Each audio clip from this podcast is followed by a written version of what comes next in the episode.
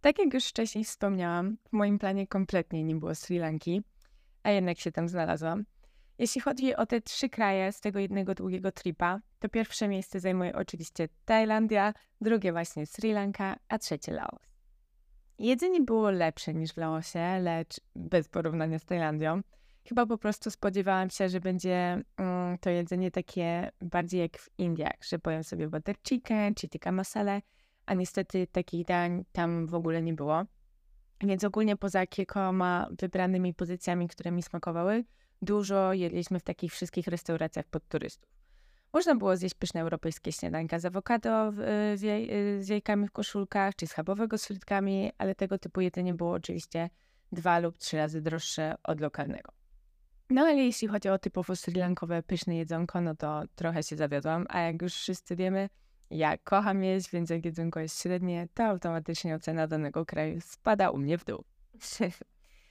Imprezowo było lepiej niż w Laosie, ale dalej bez porównania z Tajlandią. Można było przejść się jedynie na imprezkę organizowaną gdzieś w hostelu lub w beach barze, ale nie było ich za wiele. Mm, kto miał wiedzieć, ten wiedział, ale nie było to tak ogólnodostępne co krok z ulicy. Ogólnie względem Sri Lanki mi to jakoś bardzo nie przeszkadzało, bo po surfie i tym upale, który tam był, padałam spać o 22. Ale wiecie o co chodzi. Zawsze fajnie jest mieć wybór i możliwość, że jak się chce, to ma się gdzie. I jedynie względem natury Sri Lanka może stanąć na podium razem z Taj, bo pola herbaciane, góry, piękne puste plaże i masa palm naprawdę robiła wrażenie. Do tego głównym powodem, dla którego wybraliśmy tą destynację, był oczywiście surfing. Jest to mekka surferów, choć dla mnie, jak na mój skill, a raczej jego brak, te fale były trochę za duże. Plus było bardzo dużo skał na dnie, o które można było się nieźle poharatać i chyba nigdzie indziej na świecie woda nie była dla mnie tak słona jak właśnie tam. Dosłownie wypalało mi oczy. Ale tak czy siak jest to super miejsce pod surfing i na pewno każdy znajdzie tam warunki pod siebie. My po prostu pływaliśmy na spotach o większych falach ze względu na tego mojego ziomka, no bo on dość dużo pływa e, w Izraelu i no, ma tego skilla po prostu większego niż ja. Były tam też ogromne żółwie pływające sobie w oceanie tuż przy plaży. W górach było mnóstwo, mnóstwo małp na ulicach, jak i można było sobie pojechać na safari. Mm, tam już można było e, pooglądać te wszystkie dzikie zwierzęta ale o tym opowiem trochę później. Tak więc za naturę daję naprawdę solidną dyszkę. No i ostatni aspekt, o którym zawsze mówię, bo dla mnie głównie liczą się cztery rzeczy względem danego kraju, czyli natura, jedzonko, imprezki i ludzie. I co do ludzi, no ja wiem, że ja może jestem trochę z tego względu monotonna, ale Tajlandia nie ma sobie równych. Ludzie w Tajlandii byli przecudowni. Za każdym razem, gdy tylko ktoś widział, że powiedzmy jestem zakłopotana, nie wiem gdzie iść, bo GPS traci zasięg, czy cokolwiek innego, od razu próbowali mi pomóc i naprawdę nie chodziło o pieniądze, a było to po prostu z takiego, no mam wrażenie, dobrego serca. E, miałam taką sytuację w Tajlandii, że właśnie przy okazji lotu na Sri Lankę stwierdziłam, że mam ze sobą trochę za dużo rzeczy i postanowiłam, że wyślę część z nich do Polski. Kompletnie mi się z tym nie spieszyło, więc wybrałam najtańszą opcję, czyli drogą lądową. Wszyscy ładowałam tam wszystko jak leciało, bo robiłam to na poczcie, więc ogólnie to nie zwracałam na to e, jakiejkolwiek uwagi, co ja tam właściwie wrzucam. Od ubrań, przez jakiś, nie wiem, dezodorant czy baterię, no i paczkę wysłałam, a ja poleciłam na Sri Lankę. I po jakimś czasie dostałam wiadomość na maila, a dodatkowo jeszcze na Facebooku od pracownika poczty, że moja paczka została cofnięta, gdyż wsadziłam tam rzeczy, których wsadzić nie powinnam. Okazało się, że paczka ogólnie idzie drogą lądową na statku, ale najpierw, żeby na ten statek dotarła, e, leci samolot. A jeśli wysyłamy paczkę samolotem, to nie mogłam wrócić tam na przykład baterii, czy dezodorantu, czy cokolwiek tam było, bo już aż tak dokładnie nie pamiętam. I czaicie, że pracownik poczty postanowił się ze mną skontaktować e-mailowo i na Facebooku z pytaniem, czy ja się zgadzam, żeby on te rzeczy wyciągnął i nadał tą paczkę drugi raz. No, no nie wiem jak wam, ale mi to całkowicie rozwaliło wtedy serce. Nie wyobrażam sobie takiej sytuacji ani w Polsce, ani w Niemczech, gdzie obecnie mieszkam. Pewnie wyjebaliby tą paczkę i tyle by po niej było. Dlatego ja na zawsze będę kochać ludzi w Taj, bo według mojej subiektywnej oceny są oni najcudowniejszymi ludźmi na świecie. Choć oczywiście wiecie jak jest. Zawsze i wszędzie znajdą się i dobrzy, i źli ludzie, złodziejaszki i tak dalej. I wiem, że nieraz ktoś z moich znajomych został tam ukradziony. Ale z racji tego, że mnie tam nie spotkało nic złego, to zawsze będę wychwalać tych ludzi i ten kraj najbardziej na świecie. No ale dobra, bo odcinek miał być o Sri Lance, a ja wyjątkowo zboczyłam z tematu. Ale kontynuując e, wątek ludzi, to jeśli chodzi o Sri Lankę, zarówno spotkałam tam cudownych ludzi, jak i takich trochę sniki. Wiecie, jak na przykład e, się tankowało skuter, a tam są takie chore banknoty, wszystko jest w setkach tysięcy, milionach i tak dalej, to gdzieś tam zawsze jakiegoś miliona brakowało. Ja już totalnie nie pamiętam tego przelicznika, może nie były to aż miliony. E, I nie były to ogólnie duże sumy, powiedzmy chodziło o 6 zł, no ale tak czy siak. Jak się zwróciło uwagę, że ej, no wiesz stary, brakuje mi tu kilkaset tysięcy czy coś, no to zawsze oni brali te pieniądze, liczyli je i mówili, że o, no tak, tak, faktycznie i dawali ten brakujący banknot. No ale trzeba było zawsze mieć ten łeb na karku i mieć się na baczności. Bo ci ludzie uwielbiali oszukiwać w takich właśnie małych drobnostkach, co ogólnie nie było jakoś mega szkodliwe, no ale tak czy siak dla mnie tego typu akcje działają jak płachta na byka. No ale dobra, skoro już wszystko wiemy i zrobiłam podsumowanie i porównanie tych trzech krajów, które zwiedziłam podczas tego jednego tripa, no to zacznijmy właściwie od początku. Na Sri Lankę leciliśmy z Laosu przez Bangkok. Wylądowaliśmy w Colombo i jest to ogromne, hałasliwe i z tego co pamiętam brzydkie i mega brudne miasto. Więc nie zostaliśmy tam ani na chwilę, tylko udaliśmy się do. No i właśnie, tutaj zaczną się łamiące język e, nazwy miast. Pisze się, się to Hikaduwa. Moja koleżanka nawet wczoraj powiedziała mi, jak tą nazwę się wymawia, ale już zdążyłam zapomnieć. Chyba H jest niemy i mówi się to Kaduwa, Kaduwa, no nieważne, no możecie sobie to wygooglować, wiecie jak się pisze. No i było to mm, miasteczko, które było stosunkowo niedaleko. Jest to takie fajne, klimatyczne, surferskie miasteczko. Chociaż miało taki trochę ruski vibe. Dużo ludzi zaczepiało nas na ulicy z menu po rosyjsku i tak dalej.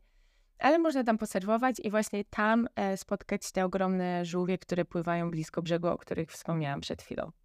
Mam na Instagramie w wyróżnionych relacjach właśnie filmik, na którym chodzę sobie między tymi dużymi żółwiami.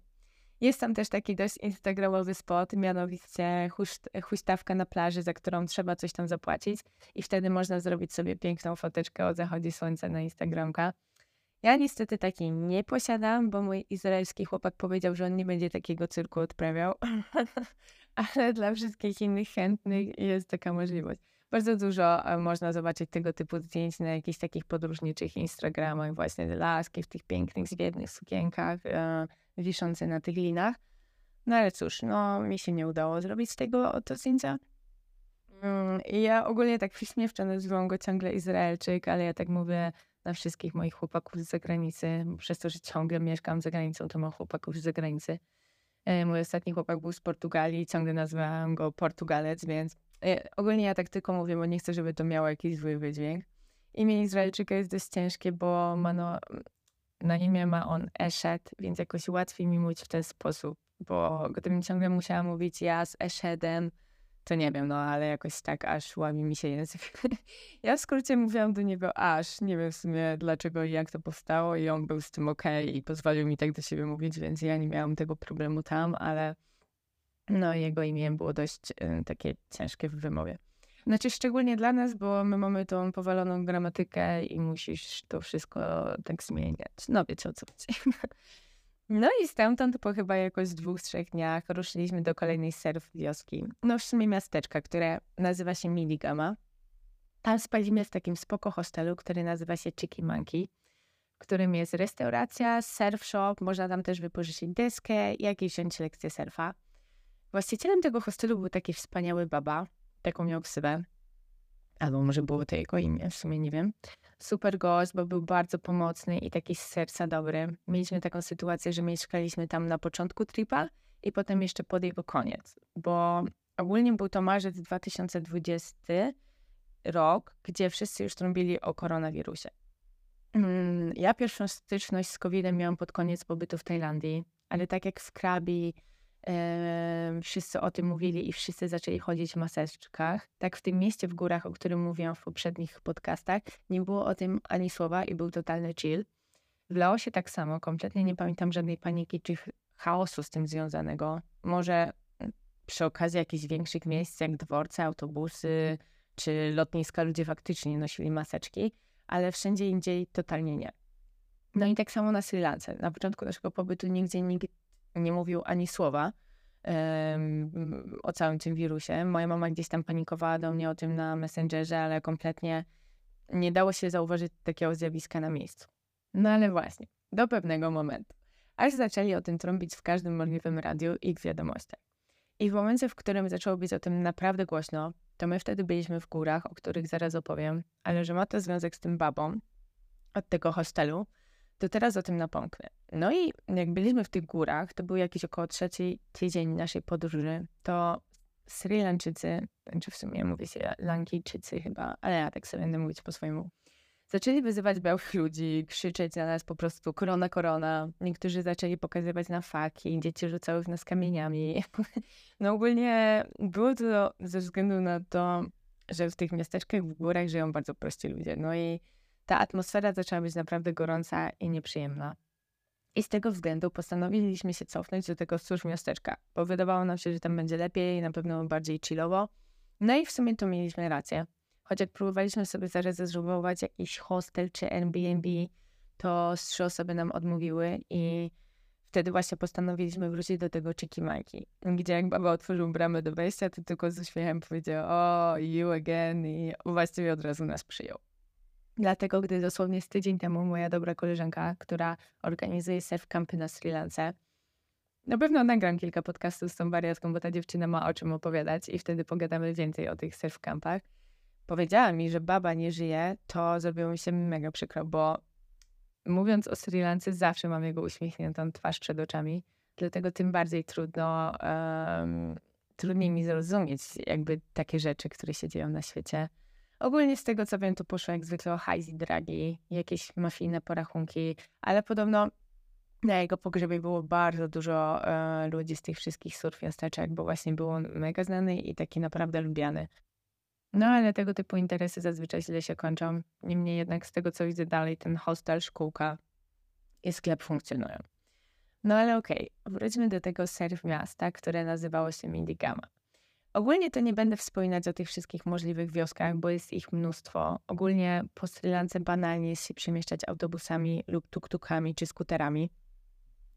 Skuterami na pewno najniebezpieczniej, bo to, co tam się dzieje na ulicach, to jest niezły hardcore.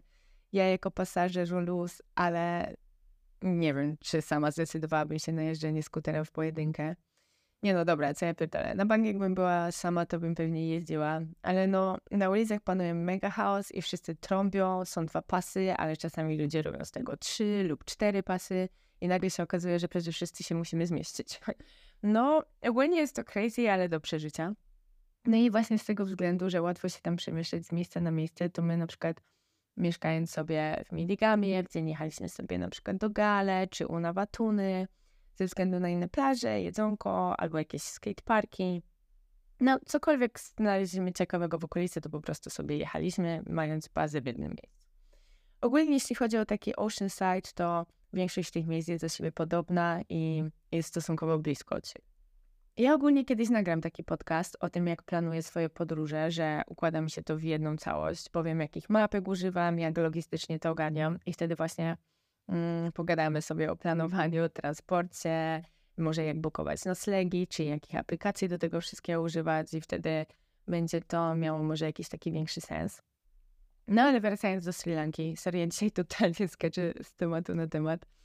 Więc po tym, jak już sobie posurfowaliśmy i poleżeliśmy na tych plażach, bo w Laosie na przykład w ogóle tego nie robiliśmy, no bo właściwie nie było gdzie, no tylko na tych 4000 Islands, to udaliśmy się na safari. W internecie wyczytałam, że najlepsze są dwa parki narodowe, takie jak Udawalawa i Jala. Mam nadzieję, że dobrze to wypowiadam. Dowiedziałam się, że w Parku Narodowym Jala zobaczymy większą różnorodność zwierząt, dlatego właśnie ten też wybraliśmy.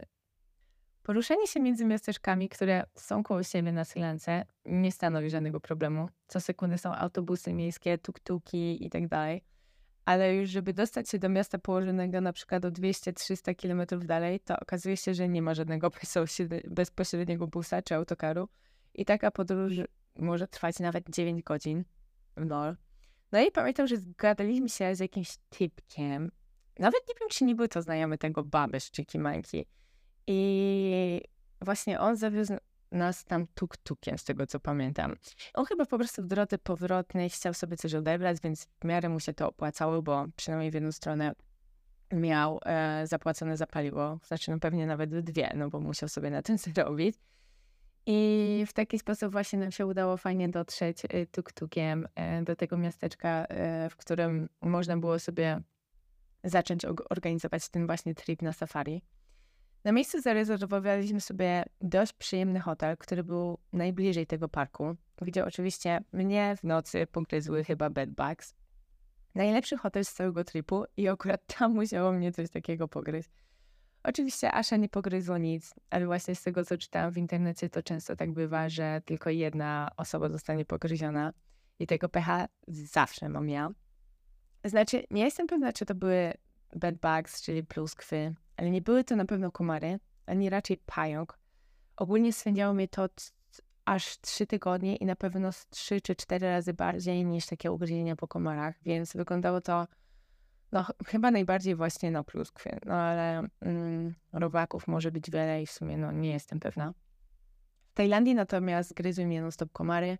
Wlało się pogryzły mnie chyba pchły od szczeniaka, z którym się bawiłam na Sri Lance właśnie te bedbugs, a ostatnio jak byłam w Meksyku, to nie wiem co to było, ale ani to raczej nie były komary, ani chyba te pluskwy, może pająk, ale miałam około 30 ugryzień na twarzy i tylko na niej.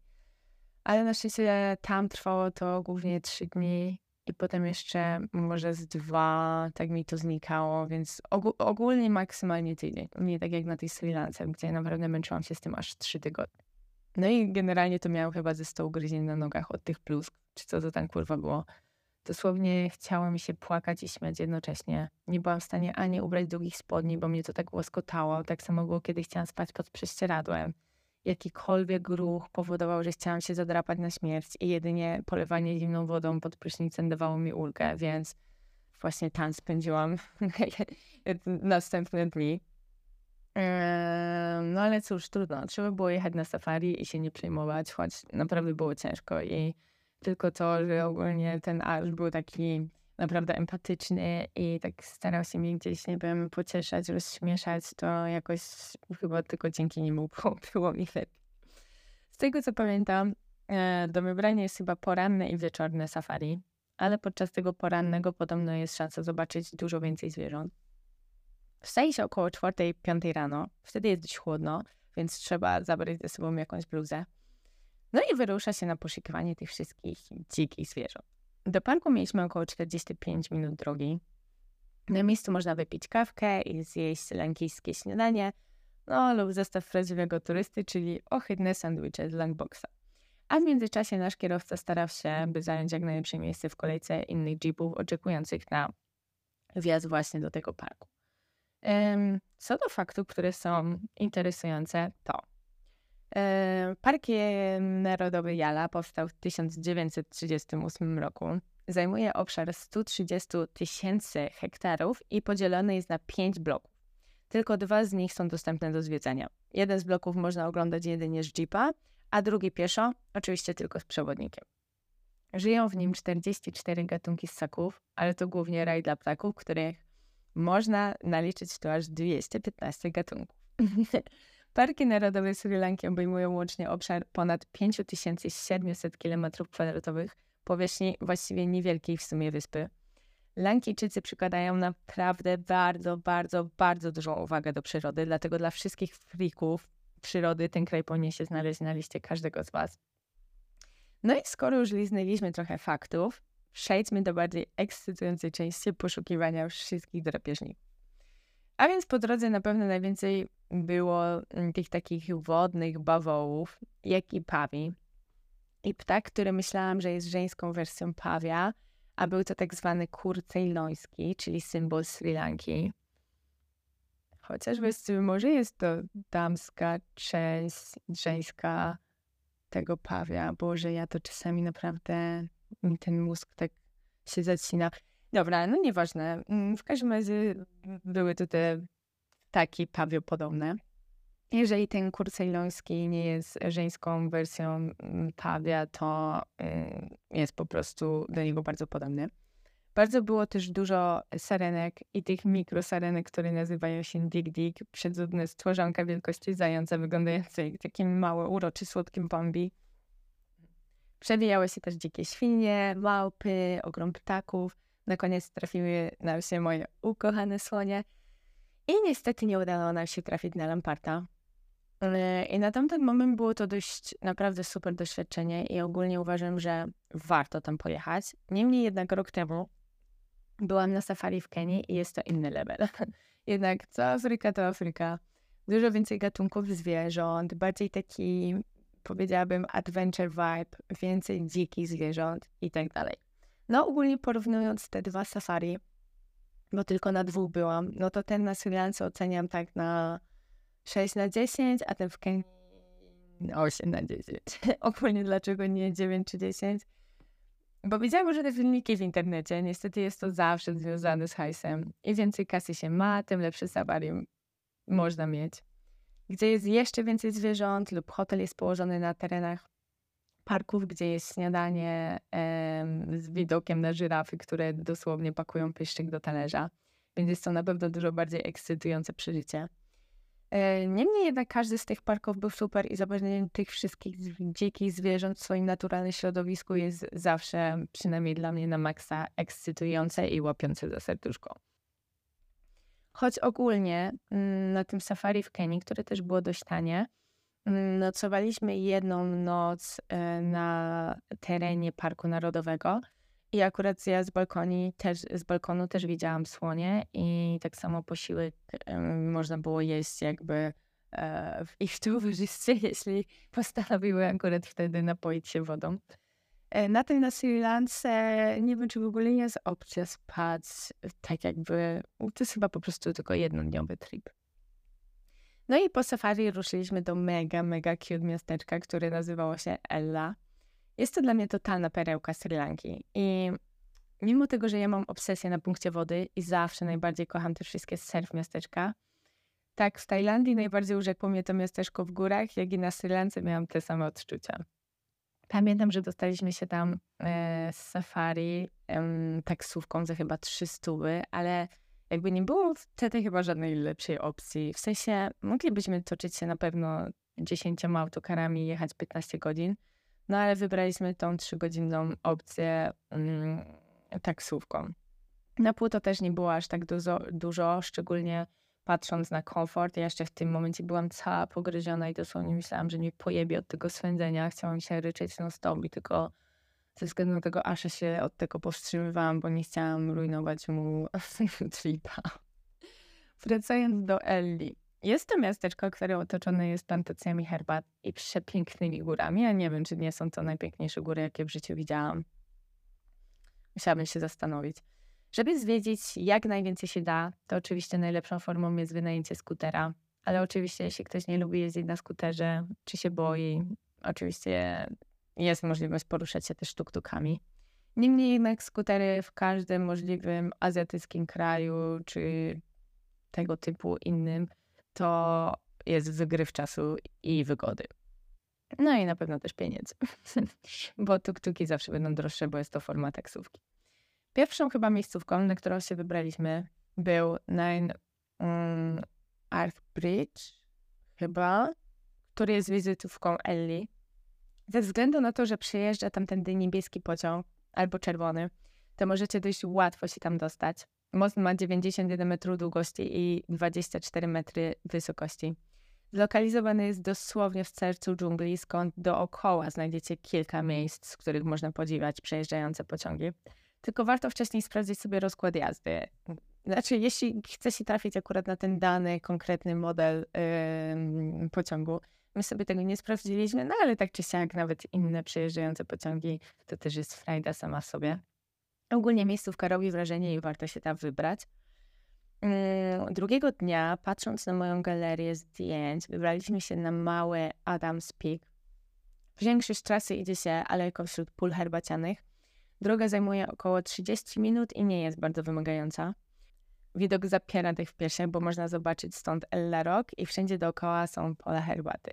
Także ogrom gór robi robotę, więc jeśli o ten punkt chodzi, to uważam, że jest to taki must have pobytu w tym mieście. Szczególnie, że taki 30-minutowy spacerek to naprawdę um, nie jest e, zbyt wymagające.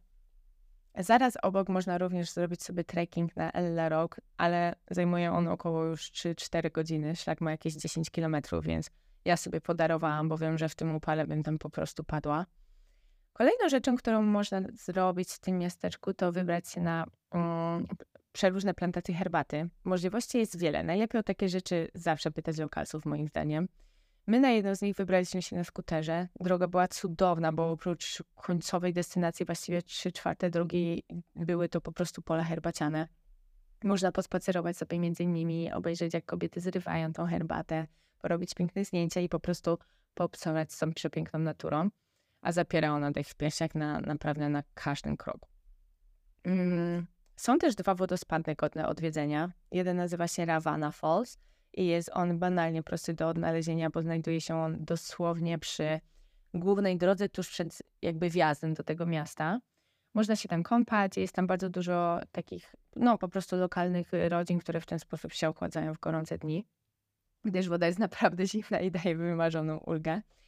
Od razu koło tego wodospadu na ulicy możemy spotkać mnóstwo małp. Ale jak to z małpami jest? Niby słodkie i kochane, ale lepiej na nie uważać, bo naprawdę względem lat potrafią one być coraz bardziej cwane, a przede wszystkim pazerne na jedzenie, więc trzeba uważać, żeby nie wyrywały nam, nie wyrwały nam one z rąk żadnych jakby cennych rzeczy czy jedzenia. I drugi wodospad, który nazywa się Dialuma Falls, jest on większy i można zarówno podziwiać go od spodu, jak i od góry. Można się też kąpać i na dole, i na górze, więc według mnie fajnie jest chyba robić to od góry. Właśnie moje ziemalki tak robiły i um, ja akurat zwiedziałam go od dołu, ale widziałam, że one robiły to od góry i wtedy tam, są, tak się, tam się tworzą takie jakby małe baseny, więc e, naprawdę super to wyglądało. Więc ogólnie polecam te dwie możliwości. No i na pewno wisienką na torcie, będąc w tym miejscu, jest przejażdżka kultowym, tym właśnie niebieskim lub czerwonym pociągiem z Ellie do Candy. Podróż trwa jakieś 6-7 godzin i widoki przez całą trasę są nieziemskie. Dodatkowo możliwość siedzenia czy stania w otwartych drzwiach w pociągu to inny level podróży pociągiem. I chyba nie ma osoby, która raz w życiu nie widziałaby właśnie tego typu zdjęć gdzieś na Instagramie czy fejsie jak głównie laski w pięknych sukienkach, kwiaty i rozwianych włosach mają zdjęcie właśnie wychylając się z podciągu podczas jazdy. No i właśnie te wszystkie zdjęcia są ze Sri Lanki, z tej właśnie najbardziej popularnej trasy, z tych oldschoolowych pociągów. No i właściwie stamtąd musieliśmy wrócić nad ocean, bo wtedy to już było mega głośno o koronawirusie. Ludzie w tych górskich wsiach zaczęli krzyczeć do nas korona, korona, jak jechaliśmy na skuterze, jakieś dzieci nawet rzucały za nami kamieniami. W pociągu raz nam ktoś pokazał faka. No, ogólnie było to trochę nieprzyjemne. Mm, I to był ogólnie w miarę koniec naszego pobytu miesięcznego na Sri Lance. Jakoś trzeci tydzień i mieliśmy w planie gdzieś tam coś jeszcze zwiedzać. No ale postanowiliśmy wrócić nad wodę. No i pamiętam, że noclegi, których szukaliśmy na Airbnb i tak dalej, dwa lub trzy, odrzuciły naszą rezerwację. I tak jak wspomniałam na początku, wróciliśmy do tego Chiki Monkey, gdzie baba przywitał nas z otwartymi ramionami i uśmiechem na twarzy. Tam spędziliśmy komiczny tydzień, bo zaczęła jeździć policja po, wszystkich hostelach, spisywać ludzi i ich paszporty i na kilka dni zabronili nam wychodzić z hostelu. Więc dobre pięć dni siedzieliśmy w nim dwa, cztery na dobę. Ale jeśli o mnie chodzi, bawiliśmy się naprawdę przednio. Raz, że nam miłość z mega kwitła z dnia na dzień było tylko coraz fajniej ogólnie też taki wątek miłości względem podróżowania i wakacji zawsze wygląda zupełnie inaczej niż w takiej normalnej codzienności. Mm, po pierwsze, od razu spędza się ze sobą czas 24 godziny na dobę. Twoja nowa ulubiona osoba jest z tobą non-stop, więc czego chcieć więcej. E, przez to, że są to jakby ciepłe kraje, e, ludzie od razu widzą się niemalże nago.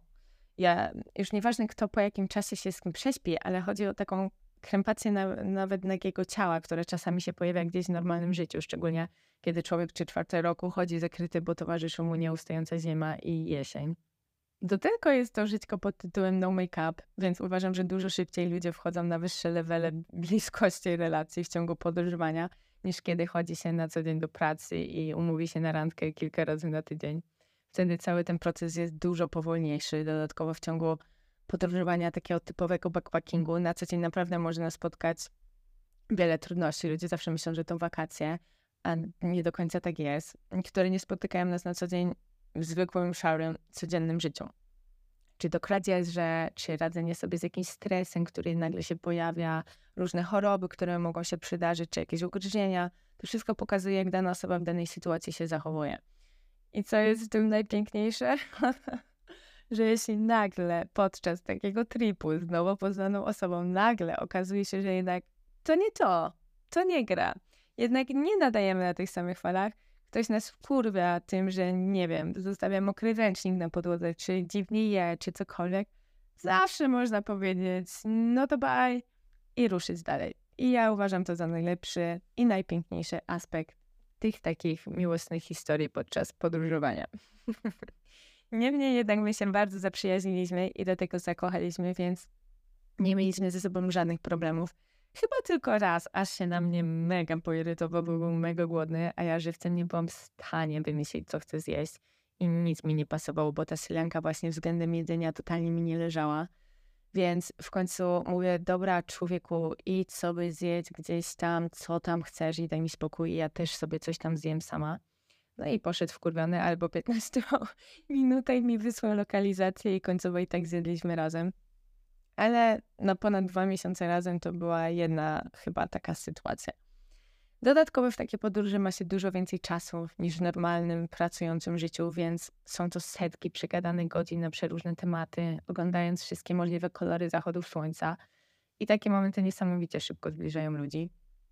No ale wracając do tej kwarantanny naszej, to to tak śmiesznie się złożyło, że dziewczyna baby uczyła nas codziennie jogi z rana. Dzień graliśmy sobie w przeróżne gry, wieczorami chodziliśmy na dach oglądać zachód słońca, a po nich oglądaliśmy sobie filmy puszczone na prześcieradle z projektora. No ogólnie był to taki przymusowy kamp dla dorosłych, ale uważam, że poszło to naprawdę świetnie. Pamiętam, że raz też uczyła się szlifować deski surfingowe, które jeden z pracowników tam reperował w tym hostelu. Ogólnie wspominam ten czas naprawdę super. Mm, do momentu, aż skończyło się nam jedzenie. Ogólnie to ta restauracja, która tam była, w tym hostelu, zamieniła się na ten tydzień w taką normalną kuchnię, z której każdy nas jakby mógł korzystać i sobie gotować. A zanim nas zamknęli w tym hostelu, to mogliśmy pójść do sklepu i kupić sobie wszystko nam potrzeba. No ale jakby ciężko było to przewidzieć, na ile będziemy zamknięci, ile właściwie jedzenia nam potrzeba. Dodatkowo też, no jak ja ugotowałam makaron, no to nie wiem, widziałam, że ktoś w tym momencie nie gotuje, no to pytałam, czy chce zjeść ten makaron, no więc jakby szybciej nam się skończyły te rzeczy. No i po kilku dniach te wszystkie zapasy nam się skończyły w ogóle wszystkim ludziom. Dzisiaj pamiętam, jak ten mój Izraelczyk wpieprzał w nocy takie baby kukurydze z puszki, bo to była jedyna rzecz, jaką znalazł z tej kuchni. Jezu, nie, no nie mogę, jak sobie to wszystko przypominam. No ale w tym momencie moja mama już wisiała na moim telefonie 2-4 na dobę, każąc mi jak najszybciej wracać. Tyle, że ja miałam kupiony bilet do Polski przez Włochy, gdzie wtedy był największy rozpierdol, a aż miał kupiony bilet do Japonii w ogóle. Więc obydwa te bilety nam anulowali. Za każdym razem, jak chcieliśmy kupić jakiekolwiek bilety do swoich krajów, traciliśmy hajs, bo końcowo, końcowo ciągle je anulowali. Dodatkowo wiedzieliśmy, że w takim razie musimy się rozdzielić i końcowo on chyba przez Berlin, który dość długo był otwarty, wrócił do Izraela, gdzie tylko Izraelczycy mieli opcję wjechać do kraju, więc ja nie miałam szansy lecieć z nim. A ja musiałam wrócić polskim lotem do domu za 2,5 koła, co ogólnie teraz nie wydaje mi się jakoś dużo, bo byle jakie loty do Portugalii teraz kosztują 1500 zł, a do Tajlandii to w ogóle 5 koła. Ale wtedy takie loty w jedną stronę kupowało się za, nie wiem, 800-1500 zł max a ja już miałam władowane pieniądze w dwa loty, które mi anulowali i jeszcze nagle ten trzeci. No i niestety nadszedł ten dzień, w którym musieliśmy się pożegnać. Ja jeszcze mm, wyjeżdżałam dwa dni szybciej niż on, więc tym bardziej było mi mega, mega przykro. Oboje dosłownie ryczyliśmy całą noc i wszystko to było, no nie wiem, no naprawdę bardzo smutne.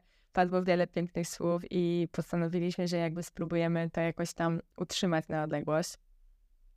Powrót był oczywiście abstrakcyjny i koszmarny. Nie dość, że wyjeżdżałam głodna, bo ta sytuacja z jedzeniem, a raczej jego brakiem była dość dziwna, to jeszcze wszystkie możliwe sklepy czy restauracje na lotnisku też były zamknięte. I pamiętam, że na lotnisku taka starsza para z Polski poprosiła mnie o pomoc względem tam odprawienia się czy czegoś takiego na telefonie, już dokładnie nie pamiętam. No i ja im to wszystko zrobiłam i pamiętam, że ten dziadek dał mi w zamian za to magnes, który chyba pewnie dostała moja mama. Ale w samolocie, kiedy już myślałam, że naprawdę zemdleję, oczywiście na cały długi lot nie dostaliśmy do jedzenia dosłownie nic, no bo przecież chuj, że samolot cały załadowany, ale to mega niebezpieczne dla załogi, aby zbliżyć się do ludzi. Aż już ciężko naprawdę mi to komentować. I w pewnym momencie nagle widzę tą babeczkę zmierzającą w moją stronę z jakimś talerzem i już naprawdę myślałam, że ja mam jakieś przewidzenia z głodu. I tak patrzę, a ona podchodzi do mnie z talerzem, na którym było chyba z 20 kotletów i się pyta, czy nie jestem głodna. Jezus, no naprawdę, ta przysłowiowa Grażyna uratowała mi życie. Dosłownie jadam te kotlety, jakbym nigdy w życiu na oczy jedzenia nie widziała. I naprawdę do dzisiaj tak sobie myślę czasami, że nawet jak się człowiekowi nie chce pomóc innym ludziom, mm, bo ja na przykład na tym lotnisku też ogólnie byłam zrozpaczona, ryczałam, nie chciałam się z nikim gadać, dalej chciałam tę parę, którzy oni byli tacy postresowani, no ogólnie cała sytuacja była chujowa i stresująca, jeszcze nie umieli się odprawić na tym telefonie i tak dalej, to no, no po prostu warto pomagać, nieważne w jakim jest danym położeniu, bo nigdy nie wiadomo właśnie, kiedy my sami będziemy potrzebować tej pomocy. Jakby nie o to chodzi, żeby pomagać, tylko ze względu na to, żeby ktoś nam kiedyś pomógł, ale chyba właśnie jakoś to tak wygląda i no tak ten wszechświat działa. To, co od siebie dajesz, to do ciebie wraca. No i kotlecik od tej przysłowiowej grażynki naprawdę mnie uratował. Dodatkowo mm, wspaniałe, wspaniałe było to, że po wyjściu z samolotu w Warszawie każdy z nas miał rozpocząć dwutygodniową kwarantannę, ale na rozpoczęcie kwarantanny mieliśmy 48 godzin, więc cały samolot po wyjściu ruszył do pierwszego lepszego kebaba. Do dzisiaj, jak to wspominam, ten, ten absurd, to nie, to nie mogę w to uwierzyć, w jaki sposób to wszystko się odbywało i jak bardzo idiotyczne to było.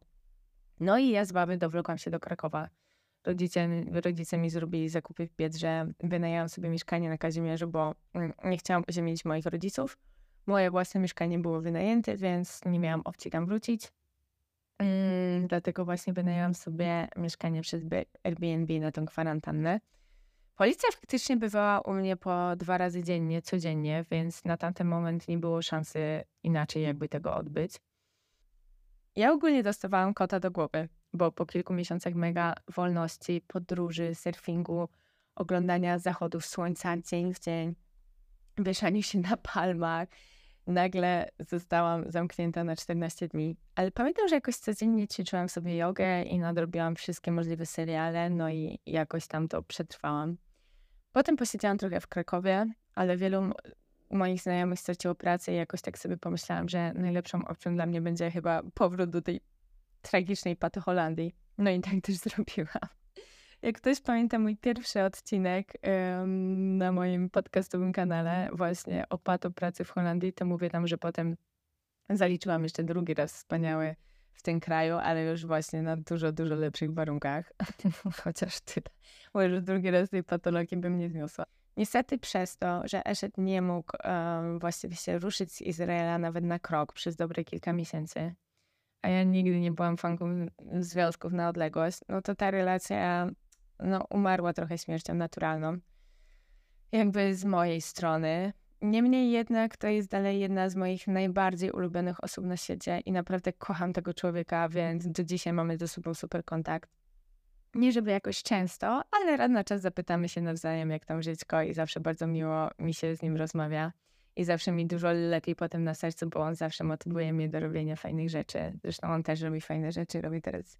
Ja go trochę z tym wyśmiewałam, okropny mam charakter, jak tak sobie o tym pomyślę teraz, bo on zaczął robić takie plakaty, ilustracje, ale no naprawdę jak zaczął je robić, to Ja mówię, kurde, no stary, no nie wiem, czy to powinna być twoja droga życiowa. No okropnie mi się to nie podobało. Ja uważam, że na tamten moment on był mega bez talencie. A teraz robi takie fajne plakaty i kurde, tak super mi się na to patrzy, jak on się rozwinął, bo właśnie przez tą koronę on się zapisał do szkoły. Mm, właśnie jakiegoś tam rysunku, czegoś tam, bla, bla, bla. E, projektowania i naprawdę super mu to idzie i teraz się mega cieszę, że, że w to poszedł.